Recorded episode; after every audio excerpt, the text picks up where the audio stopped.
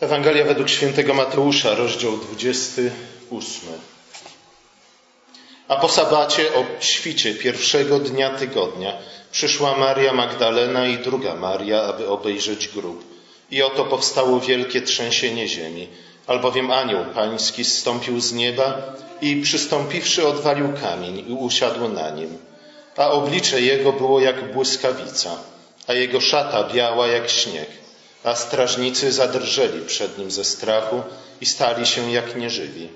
Wtedy anioł odezwał się i rzekł do niewiast, wy się nie bójcie, wiem bowiem, że szukacie Jezusa ukrzyżowanego. Nie ma go tu, bo wstał z martwych, jak powiedział. Chodźcie, zobaczcie miejsce, gdzie leżał. A idąc śpiesznie, powiedzcie uczniom Jego, że z martwych wstał i oto poprzedza was do Galilei, tam go ujrzycie. Oto powiedziałem wam. I odeszły prędko od grobu z bojaźnią i z wielką radością i pobiegły oznajmić to uczniom Jego. A oto Jezus zastąpił im drogę i rzekł, bądźcie pozdrowione. One zaś podeszły, objęły Go za nogi i złożyły Mu pokłon. Wtedy rzekł do nich Jezus, nie bójcie się, idźcie i oznajmijcie braciom moim, żeby poszli do Galilei, a tam mnie ujrzą. Oto Słowo Boże.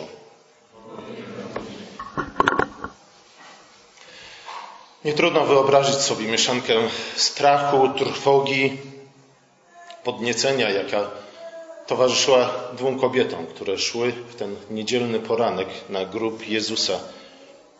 Marek i Łukasz wyjaśniają, że kobiety przyszły do grobu po to, aby namaścić ciało Jezusa.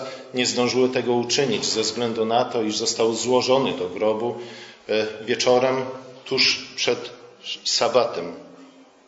Mateusz mówi, że kobiety po prostu chciały przyjść i zobaczyć grób, miejsce, gdzie złożono ich Pana. Chciały uronić łzy po to, aby złagodzić smutek po tej strasznej, niepowetowanej stracie. Jednak przy grobie nie znalazły w gruncie rzeczy ani ukojenia, ani spokoju. Przynajmniej nie na samym początku. Scena, którą opisuje Mateusz, zawiera chyba najwięcej dramatycznych elementów ze wszystkich opisów zmartwychwstania Chrystusa. Najpierw trzęsienie ziemi, potem anioł, potem strażnicy omdlali z przerażenia, aż w końcu słowa anioła, iż Jezusa już tu nie ma, ponieważ udał się do Galilei. Niektórzy komentatorzy twierdzą, iż Mateusz chciał zrobić jak największe wrażenie na czytelnikach swojej Ewangelii. Pozostali ewangeliści z kolei nie za bardzo mówią, wspominają o tych wszystkich cudach, zwłaszcza o aniołach, dlatego że, jak twierdzą niektórzy, żeby nie zniechęcić pogan, dla których te rzeczy brzmia, mogły brzmieć dziwnie, do uwierzenia w relację o zmartwychwstaniu. Mateusz jednak nie ma problemu ze stwierdzeniem, że aniołowie rzeczywiście pojawili się w grobie, przy grobie, że aniołowie rzeczywiście rozmawiali z kobietami. I Mateusz czyni to specjalnie, ze względu na to, że w Starym, w Starym Testamencie aniołowie pojawiają się wszędzie tam, czy też zawsze wtedy, gdy mamy do czynienia z jakimś kluczowym wydarzeniem w historii zbawienia. A zatem wspomina również tutaj o aniołach, żebyśmy właśnie przez tą obecność aniołów zwrócili szczególną uwagę na ten niedzielny poranek. Bo rzeczywiście tego poranka wydarzyło się coś kluczowego w historii świata, w historii zbawienia. Kluczowego to w gruncie rzeczy zbyt mało powiedziane. Bóg zadziałał w szczególny sposób, w sposób, w jaki do tej pory nigdy nie działał. Być może moglibyśmy przyrównać ten niedzielny poranek do stworzenia świata z niczego, ale z drugiej strony mamy do czynienia chyba z czymś jeszcze większym i jeszcze bardziej wyjątkowym. Coś, co było zapowiadane, coś, do czego znajdujemy jakieś paralele w Piśmie Świętym, a jednak wyjątkowe, pierwsze, jedyne i ostatnie w swoim rodzaju. Bóg zadziałał w szczególny sposób więc obecność aniołów przy grobie jest jak najbardziej uzasadniona. Bóg, który milczał od Wielkiego Piątku w końcu przemówił. I okazało się, że to do niego należy ostatnie słowo. Nie do Judasza, nie do Sanhedrynu, nie do Piłata, nie do Heroda, ale właśnie do Boga samego należy ostatnie słowo w historii. Bóg odpowiedział na te niewypowiedziane pytania uczniów, stojących z dala i obserwujących scenę ukrzyżowania. Ale Bóg odpowiedział także na to wypowiedziane pytanie Jezusa na krzyżu. Boże mój, Boże mój, dlaczegoś mnie opuścił? Kiedy ojciec wzbudza syna do nowego życia, to jest właśnie odpowiedź, której mu udziela. Bóg nie odpowiada jednak, czyniąc kolejny cud, choćby niezwykle spektakularny. Nie odpowiada, czyniąc, pokazując po raz kolejny swoją niezwykłą moc. Nie chodzi też o szczególny, szczególną przychylność okazaną Jezusowi. Bóg odpowiada na te pytania, czyniąc coś całkowicie nowego. Właśnie w ten sposób Bóg przedstawia się nam w Piśmie Świętym, a zwłaszcza w Nowym Testamencie, a zwłaszcza w Jego ostatniej księdze, jako ten, który wszystko czyni nowym. On inicjuje nowe stworzenie, które było zapowiadane od wieków przez proroków, na które ludzie oczekiwali od czasu upadku Adama. Bóg posyła swoich uczniów najpierw do Galilei, ale potem aż na krańce świata i wreszcie na krańce historii, po to, aby ogłaszali całemu stworzeniu o krzyżu, ale również o zmartwychwstaniu Chrystusa, o tym, czego byli świadkami tego pamiętnego dnia. Serce uczniów oczywiście było przepełnione zdumieniem, osłupieniem, trwogą, podnieceniem i na pewno do końca życia zapamiętali ten dzień. W każdej chwili mogli sobie go przypomnieć, tak jakby znów go przeżywali. Opis tych wydarzeń na pewno był bardzo osobisty i trwały ze względu na wyjątkowość tej sceny, tego wydarzenia. Choć aniołowie powiedzieli kobietom, iż Jezus udał się do Galilei, one spotkały go niemal natychmiast, zaraz obok grobu. Ale znów w tym spotkaniu kobiet z Jezusem nie chodzi o jakieś szczególne doświadczenie religijne. Widzicie, to jest coś, czego my bardzo często szukamy. Osobiste spotkanie z Jezusem. I oczywiście osobiste spotkanie z Jezusem jest bardzo ważne, jest istotne, jest nieodzowne, ale z drugiej strony nigdy nie spotkamy Jezusa tak, jak spotkały go kobiety przy grobie. Nie chodzi w tym spotkaniu także o osobiste spotkanie ze zmartwychwstałym Chrystusem. Chodzi raczej chodzi o coś o wiele większego niż osobiste spotkanie z Jezusem. Chodzi o realizację planu Bożego, o spełnienie wszystkich obietnic, które do tej pory dał, o nową erę w dziejach świata. Kiedy zbytnio koncentrujemy się na naszym osobistym spotkaniu z Jezusem, pokazujemy, jak bardzo jeszcze jesteśmy niedojrzali w naszej wierze. Tak jakby rzeczywiście cały świat kręcił się wokół nas, wokół mojego osobistego zbawienia. Oczywiście bez osobistego zbawienia nie będziemy mieli udziału w zbawieniu jako takim, ale z drugiej strony nasze osobiste zbawienie jest częścią czegoś o wiele większego, o wiele bardziej doniosłego, czegoś o kosmicznych wymiarach. Najpierw kobietę, a potem reszta apostołów i uczniów spotkała i ujrzała zmartwychwstałego. Nie wszyscy chcieli od razu wierzyć, niektórzy chcieli dotknąć. Ale Jezus powiedział, że błogosławieni o wiele bardziej są ci, którzy nie widzieli, nie dotykali, a jednak uwierzyli ze względu na zwiastowanie. I znów nie dotykanie, nie oglądanie, a nawet nie zachwyt nad tym, co się wydarzyło, było celem tych wszystkich spotkań. Spotkanie ze zmartwychwstałym jest bowiem przede wszystkim powołaniem i posłaniem.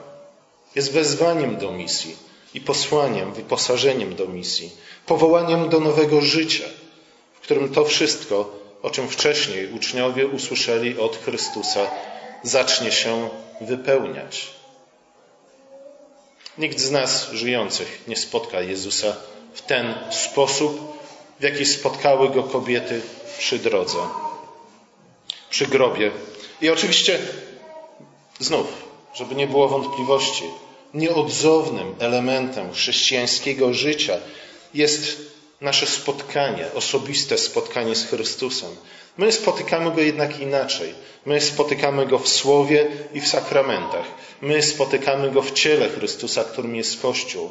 My spotykamy je, Go tutaj, między nami, kiedy spojrzymy na siebie nawzajem i zobaczymy braci i siostry w Chrystusie, tych, którzy zostali stworzeni na obraz Boga i tym, którzy zostali przemienieni na podobieństwo Chrystusa. Ta osobista i głęboka więź z Chrystusem jest istotnym elementem chrześcijańskiego życia. A jednak nie do końca o tym mówi Mateusz w relacji o zmartwychwstaniu Chrystusa. Ewangelista oczywiście opisuje autentyczne wydarzenia. Kobiety rzeczywiście były przy grobie, trzęsienie rzeczywiście miało miejsce. Chrystus rzeczywiście powstał z grobu i im się ukazał. I to spotkanie odmieniło ich serca.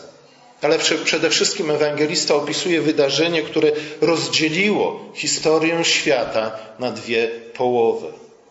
Od tej pory liczymy czas na przed i po Chrystusie. Po zmartwychwstaniu świat nigdy już nie będzie taki sam, jak przed zmartwychwstaniem. Nadeszło bowiem Królestwo Boże.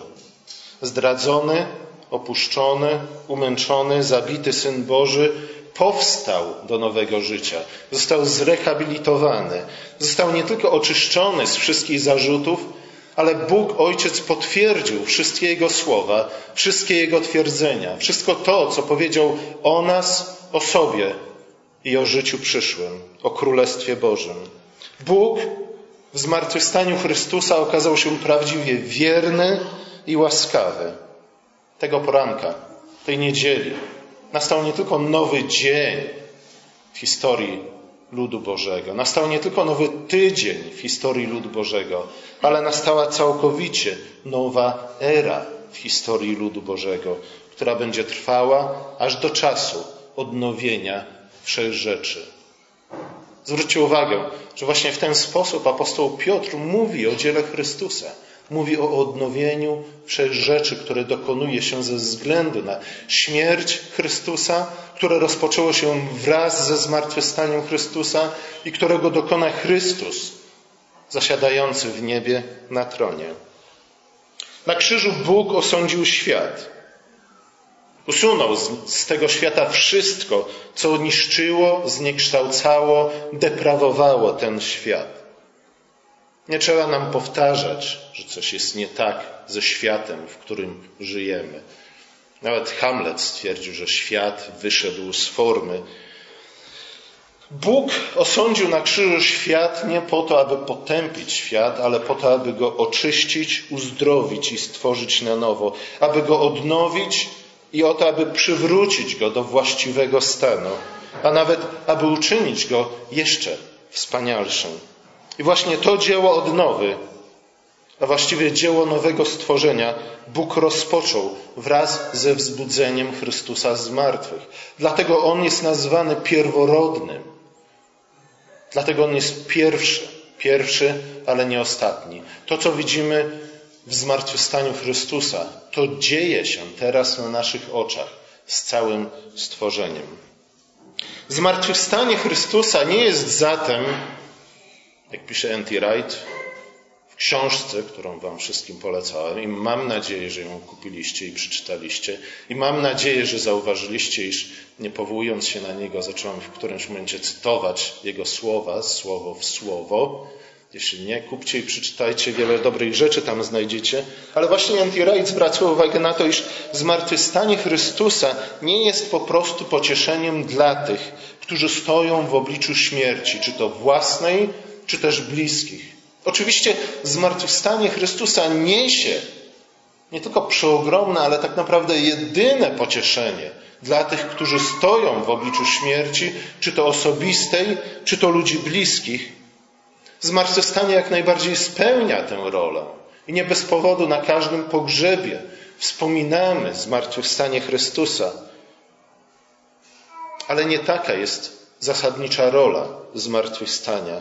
W zmartwychwstaniu chodzi przede wszystkim o to, iż jest ono początkiem nowego świata.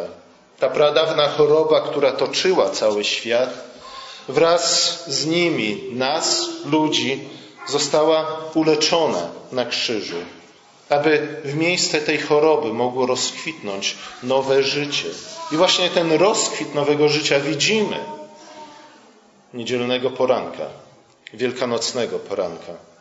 W przyszłości to uzdrowienie świata, to naprawienie świata, ten rozkwit świata w nowym życiu dokona się w pełni i ostatecznie obejmie całe stworzenie. Zatem, kiedy apostoł Paweł mówi, jeśli Chrystus nie został wzbudzony, daremna jest wiara wasza, jesteście jeszcze w swoich grzechach, to mówi nie tylko o naszym osobistym zbawieniu. Chodzi mu nie tylko o to, jeśli Chrystus nie zmartwychwstał, to nigdy nie pójdziecie do nieba, więc nie ma sensu żyć pobożnie w tym życiu. Nie o to chodzi apostołowi, albo przynajmniej nie o to. Chodzi przede wszystkim o to, że jeśli Chrystus nie został wzbudzony z martwych, nie został wzbudzony z martwych, to grzech i zniszczenie, jakie niesie z sobą grzech, nadal panuje nad całym stworzeniem. To znaczy, że nasze osobiste nadzieje na to, co stanie się z nami, albo też z, nas, z naszymi bliskimi po śmierci, mają sens tylko i wyłącznie w kontekście właśnie tej nowej rzeczywistości stworzonej przez zmartwychwstanie Chrystusa, w kontekście nowego nieba i nowej ziemi, w których mieszka sprawiedliwość, w kontekście tej radości, pokoju i miłości, które obejmuje nowe stworzenie zapoczątkowane w zmartwychwstaniu Jezusa.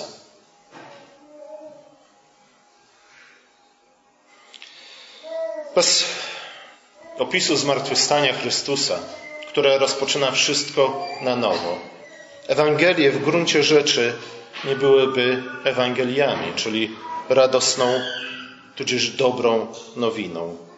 Bez tych ostatnich rozdziałów kończących Ewangelię, bez zmartwychwstania Chrystusa, Ewangelie byłyby tragediami, zapewne pięknymi, zapewne poruszającymi nasze serca, ale mimo wszystko tylko i wyłącznie tragediami, które nie prowadzą do niczego dobrego. Kiedy się kończą, poruszają nasze serca tak mocno, iż one pękają, ale pękają z bólu ze względu na to, że ratunek był tak blisko, a jednak wszystko utraciliśmy. Oto człowiek dobry, oto człowiek wierny, oto człowiek sprawiedliwy, inny niż my wszyscy, inni niż jakikolwiek inny człowiek, przyszedł na świat ale ludzie go odrzucili i zamordowali. W gruncie rzeczy nic nowego. Widzieliśmy to wielokrotnie. Byłaby to kolejna tragedia. Może lepsza, może piękniejsza, może mądrzejsza, ale nadal tylko i wyłącznie tragedia. Krzyż stanowi kulminację Ewangelii, krzyż stanowi osąd nad światem, ale krzyż nabiera znaczenia dopiero w świetle zmartwychwstania. Krzyż sam w sobie wiele mówi na temat Bożej chwały, na temat Jego sprawiedliwości, na temat Jego miłości. Krzyż sam w sobie wiele mówi na temat nas, ludzi, ale sam w sobie bez zmartwychwstania nie wyrywa nas z egzystencji, z życia naznaczonego grzechem i zniszczeniem. Krzyż sam w sobie byłby kolejnym wezwaniem Bądźcie świętymi, jak ja jestem święty. Ale jednak nie dawałby nam żadnej mocy do tego, abyśmy żyli w zgodzie z tym wezwaniem.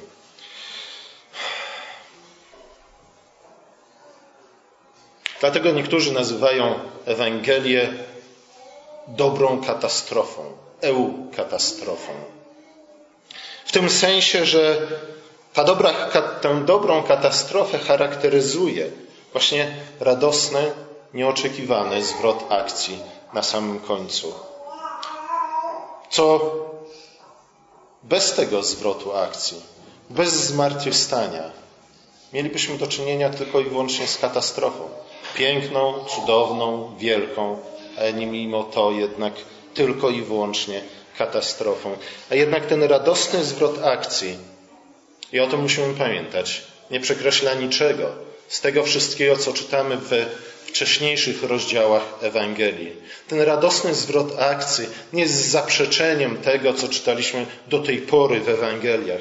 Ten radosny zwrot akcji nie jest wymazaniem tego wszystkiego, o czym, o czym czytamy w Starym Testamencie, co wydarzyło się od czasu stworzenia, zwłaszcza upadku Adama. Nie. Ten radosny zwrot akcji wynika z tego, co działo się wcześniej. Radość która pojawia się ze względu na ten radosny zwrot akcji, jest równie przeszywająca, co żal i gorycz wynikające z wcześniejszej serii klęsk. Klęska za klęską. Bóg nas pobudza do nowego życia, a my ciągle od Niego odstępujemy. Daje nam dobre dary swoje, my ciągle je marnujemy. Seria bezowocnych zwycięstw. Tak wygląda historia aż do tego dnia, aż do tego momentu. Radość żniw jest tak samo autentyczna, co łzy siewu. Ale z drugiej strony zmartwychwstanie mówi nam o tym, że ta radość żniw wynika, czy też wyrasta ze względu na łzy, które wylaliśmy w czasie siewu. Słuchajcie, Zmartwychwstanie niczego nie przekreśla. Zmartwychwstanie niczego nie wymazuje. Zmartwychwstanie nie jest po prostu wykasowaniem tego, co miało wcześniej miejsce. Nie. Jest nowym stworzeniem, które powstaje na ruinach Starego Świata. Świata, który zniszczyliśmy przez grzech, nieposłuszeństwo, przez naszą pychę, przez nasz egoizm, przez zapatrzenie w siebie, przez nasz narcyzm, przez szukanie fałszywej chwały. A jednak Bóg bierze to wszystko i oczyszcza, wytapia i przekształca w coś nowego, w coś niesłychanego, w coś niespotykanego. I właśnie dlatego powinniśmy być zachwyceni tym wielkanocnym dniem. Nie tylko dlatego, a może nawet nie dlatego, że Bóg przekreślił to, co było, jak niektórzy twierdzą, ale dlatego, że z tego, co myśmy wcześniej nagrzeszyli, Bóg uczynił coś tak cudownego i niesamowitego. Krzyż nabiera jednak znaczenie tylko i wyłącznie w świetle zmartwychwstania. To znaczy, że również wcześniejsze wydarzenia, czy to opisane przez ewangelistów, czy to opisane w Starym Testamencie, nabierają nowego znaczenia, nowego wymiaru w świetle zmartwychwstania. Nigdy nie powinniśmy czytać Pisma Świętego raz, tylko jeden. Musimy je przeczytać w swoim życiu przynajmniej dwa razy. Ze względu na to, że drugi raz, gdy będziemy czytać Pismo Święte, nie tylko Ewangelię, ale całość, od, od pierwszych słów. Na początku Bóg stworzył niebo i ziemię. Drugi raz będziemy czytać Pismo Święte w inny sposób. Przy pomocy nowych oczu, które otworzył dla nas Chrystus. Będziemy czytać w świetle zmartwychwstania, wiedząc, ku czemu zmierza ta seria bezowocnych zwycięstw. Mateusz ukazuje Jezusa jako nowego Mojżesza w swojej Ewangelii. Mojżesza, która naucza prawa Bożego, wzywa do świętego życia. A jednak Jezus staje się kimś większym niż Mojżesz właśnie dzięki zmartwychwstaniu. Jezus staje się Mesjaszem, dlatego że Bóg wzbudził go do nowego życia, że poprzez niego i w nim rozpoczął dzieło nowego stworzenia. A zatem zapraszam i zachęcam do ponownej lektury nie tylko Ewangelii, ale także Pisma Świętego. I kiedy drugi raz będziecie czytać Pismo Święte, zwróćcie uwagę na to, jak wszystkie jego elementy budzą się do nowego życia, kiedy pamiętamy, iż ten, o którym opowiadają, od początku do końca, jest tym, który złamał klątwę grzechu i poskromił śmierć. Amen.